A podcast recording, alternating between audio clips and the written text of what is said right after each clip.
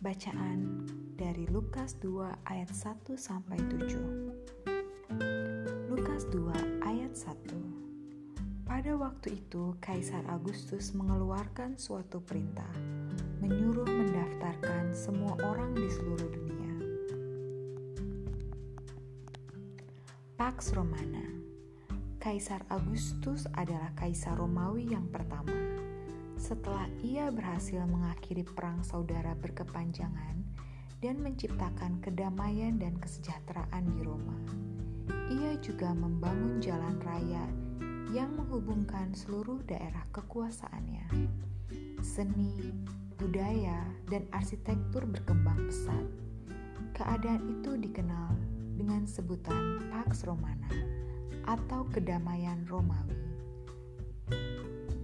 Kaisar inilah yang memerintahkan pengadaan sensus untuk seluruh wilayah kekuasaannya, termasuk Israel. Tujuannya ialah sebagai dasar penetapan pajak. Karenanya, Yusuf dan Maria harus berangkat dari Nazaret, tempat tinggal mereka saat itu, ke Bethlehem, tanah leluhur mereka menempuh perjalanan berhari-hari yang panjang dan tidak nyaman. Padahal Maria sedang hamil tua. Mereka melakukan perintah itu dengan rela dan taat. Kaisar Agustus bukanlah penyembah Allah, tapi tanpa ia sadari, perintahnya memaksa Yusuf dan Maria kembali ke kota Daud dan melahirkan Yesus Kristus di sana. Perintahnya membuat nubuatan tentang kelahiran Mesias tergenapi. Dari peristiwa ini, kita melihat sungguh tepatlah perkataan Paulus bahwa semua perintah berasal dari Allah dan ditetapkan oleh Allah.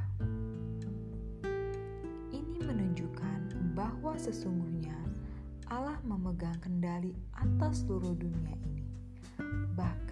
Sekalipun para penguasa di dunia tidak mengenal dan menghormati dia, namun Allah berkuasa menggenapi kehendaknya melalui mereka. Inilah salah satu alasan mengapa kita diperintahkan untuk bersikap hormat dan tunduk kepada pemerintah. Inti renungan kita kali ini adalah Allah tetap bekerja di dunia ini menggenapi kehendaknya, bahkan melalui kehidupan orang-orang yang menentangnya. Amin.